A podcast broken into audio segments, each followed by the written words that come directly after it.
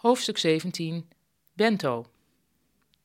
In Japan wordt tegen vrouwen die gaan trouwen wel eens grappend gezegd: Ha, je hebt een vast contract gekregen.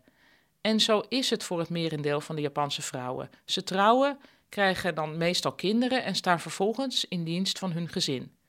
Ik sprak een vrouw die elke ochtend om vijf uur begon met het bereiden van de lunch voor haar man, zodat hij die om acht uur mee kon nemen naar zijn werk. Zo'n meeneemlunch heet een bento. Hoe wij lunchen moet voor Japanners lachwekkend zijn.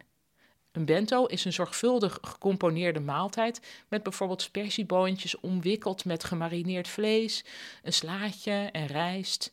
Ook zitten er losse stukjes zeewier bij die goed knapperig moeten blijven.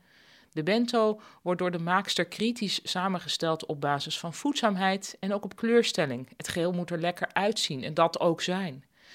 De vrouw die ik sprak stond overigens om vier uur op, want dan heb ik eerst lekker een uurtje voor mezelf.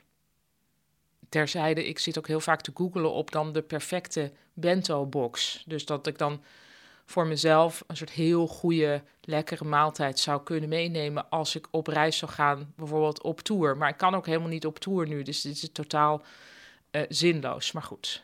En dan nog een terzijde die in het boek staat. Een station heet in het Japans eki.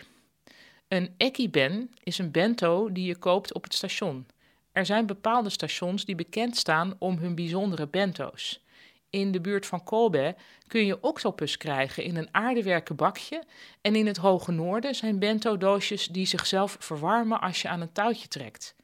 En in Tokio koop je een maaltijd in een bakje dat de vorm heeft van een Shinkansen, een hoge snelheidstrein. Nederland is er te klein voor, maar hoe geweldig zou het zijn als je op station Nijmegen bijvoorbeeld een marikenbrood zou kunnen kopen, verpakt in een wandelschoenvormig doosje. Ik zou hier serieus heel erg voor zijn.